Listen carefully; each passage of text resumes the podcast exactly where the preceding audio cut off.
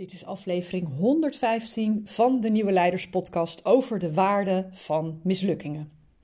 Ik wil in deze aflevering een lans breken voor de waarde van falen. Ik ben er een groot voorstander van als we veel meer onze faalverhalen met elkaar gaan delen. Want in de praktijk mislukken er ongelooflijk veel ideeën. Van alle ideeën die je op een dag hebt, zullen er maar een paar zijn waar je concreet handen en voeten aan geeft. En van degene waar je echt mee aan de slag gaat, zal een heel groot deel ook nog sneuvelen of mislukken. En op een of andere manier zijn wij in onze cultuur niet zo gewend om die faalverhalen met elkaar te delen. En uh, zien we ook niet zozeer de waarde daarvan in. Het is meer uh, dat we ons ervoor generen, dat we proberen te verdoezelen, dat we het proberen goed te praten. Maar ik denk dat het de hoog tijd is dat wij het lef en de volwassenheid hebben als leiders om daar een heel ander geluid in te laten horen. Dus ik neem je mee in deze aflevering in de waarde van mislukkingen.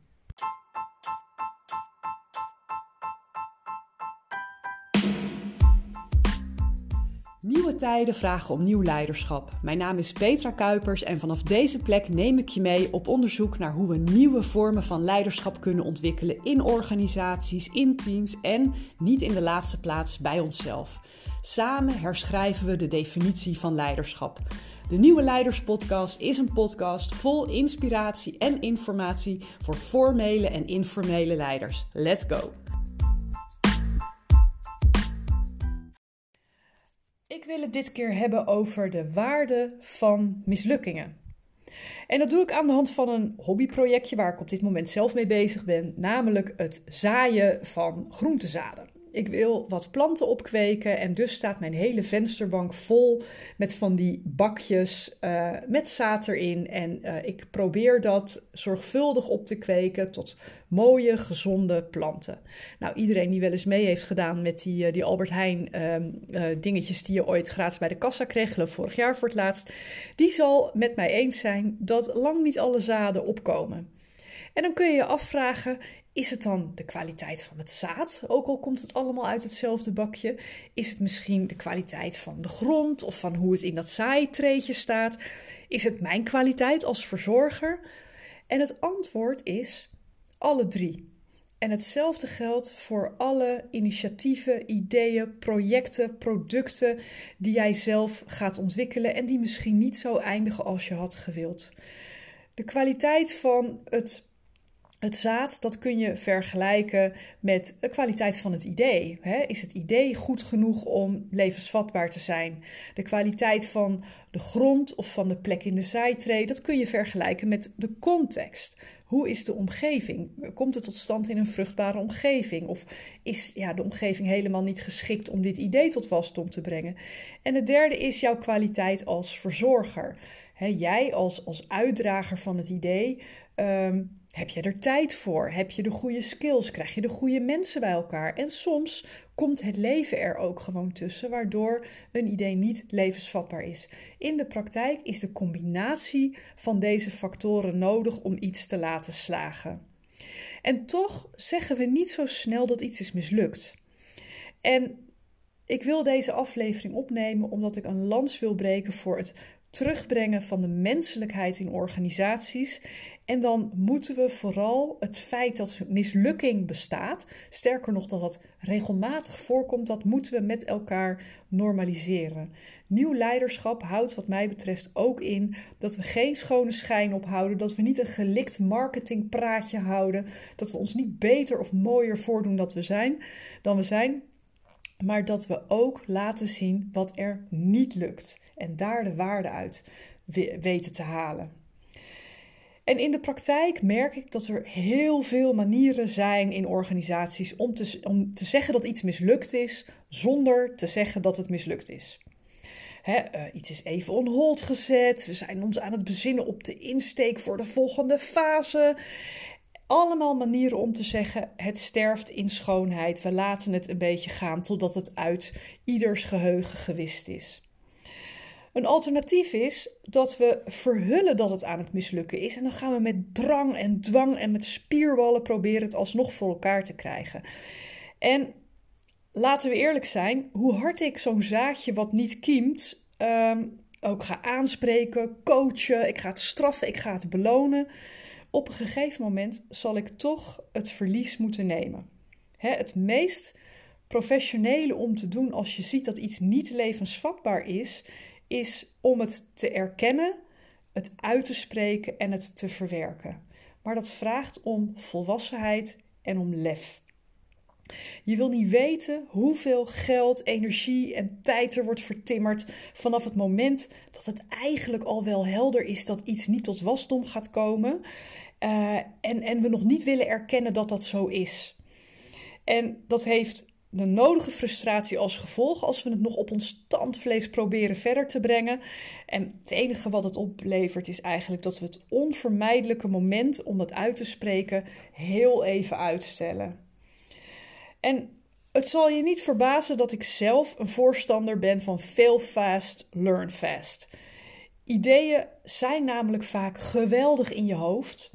Soms al iets minder geweldig op papier, maar zelfs dan kan het er nog geweldig uitzien. En je kunt pas in de praktijk ondervinden uh, hoe levensvatbaar ze zijn als je ermee aan de slag gaat. Als je er echt de, de, het denkwerk voor doet, maar vervolgens ook de handjes aan geeft om het in de praktijk uit te proberen. En een hele grote misvatting daarbij is uh, dat mislukking van zo'n zo'n zo'n initiatief, zo'n idee, zo'n aanpak, misschien van, van een studie die je doet of wat dan ook, dat dat betekent dat alles voor niks is geweest je hebt geleerd, je hebt ervaren, je hebt voortschrijdend inzicht opgedaan en dat neemt niemand jou meer af.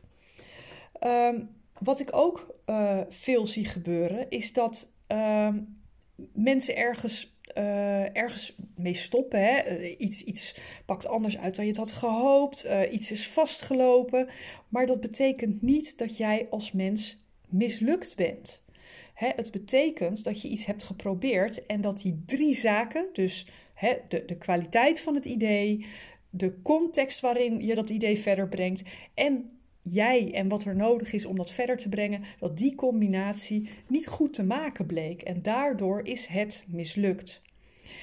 En wat misschien het allerbelangrijkste is, is het erkennen uh, dat je uh, dat, dat een mislukking dat dat bestaat, dat dat een deel van onze realiteit is. Sterker nog, nog altijd blijken twee derde van alle projecten te mislukken. En ook daar geven we dan hele mooie woorden aan. Of hè, we, we bagatelliseren dat het alleen wat in tijd is uitgelopen of alleen wat in budget is uitgelopen.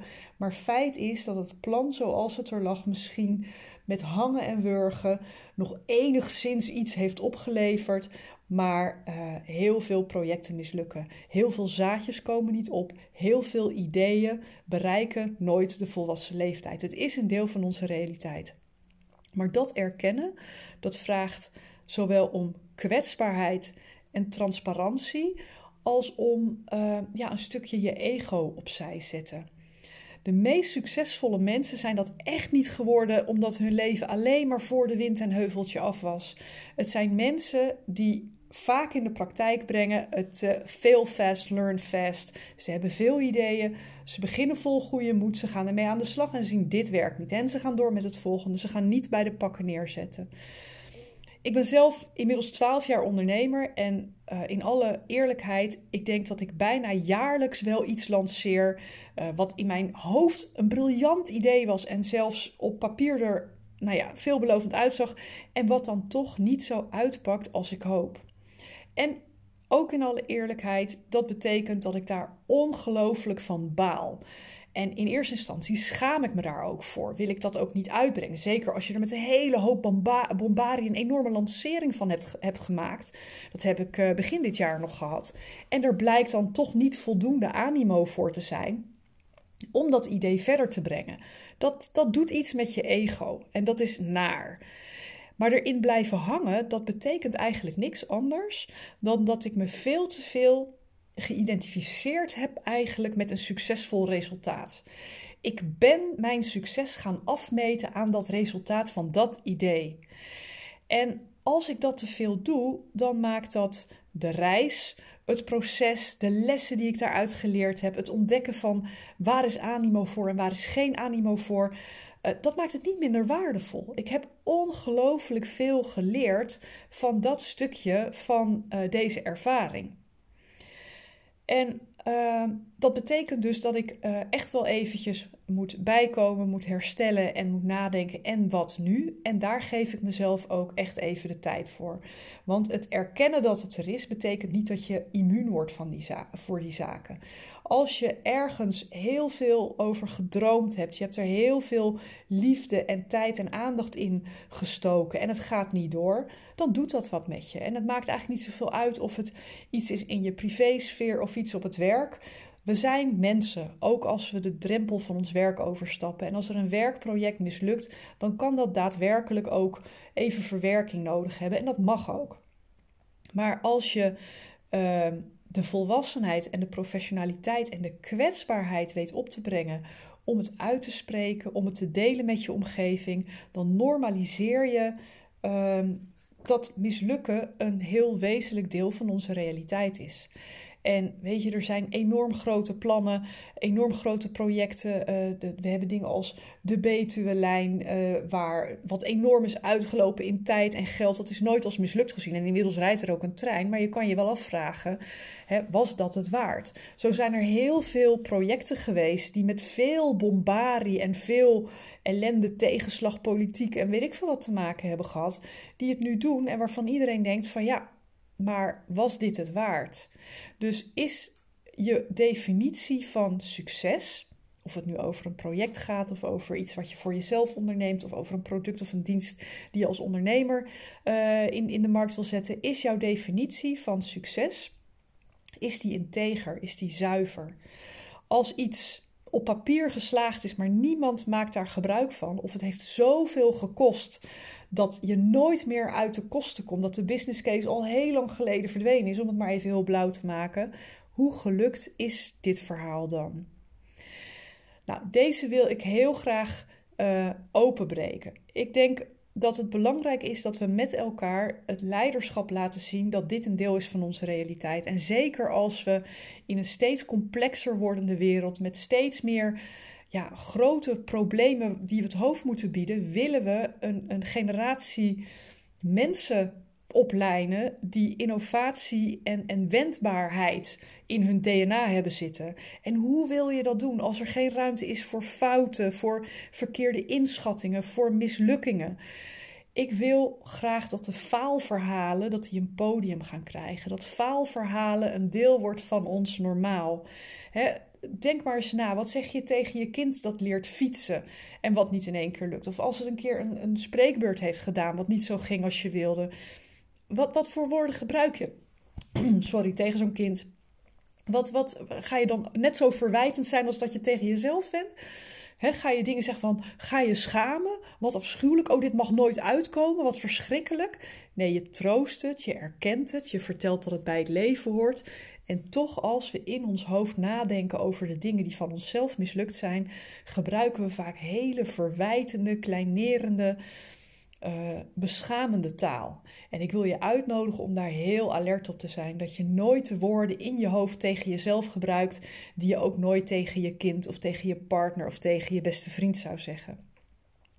Nou, ik hoop met deze korte aflevering een, een impuls te hebben gegeven aan het voorwaarts falen en het normaal maken van faalverhalen. Laten we alsjeblieft dat deel van ons werkzame leven, maar ook van ons privéleven, veel meer open delen. Het helpt ons bij het normaliseren van het maken van fouten. Het helpt ons om echt onze menselijkheid te laten zien. Wat het met ons doet op het moment dat iets niet zo is uitgepakt als dat we het willen.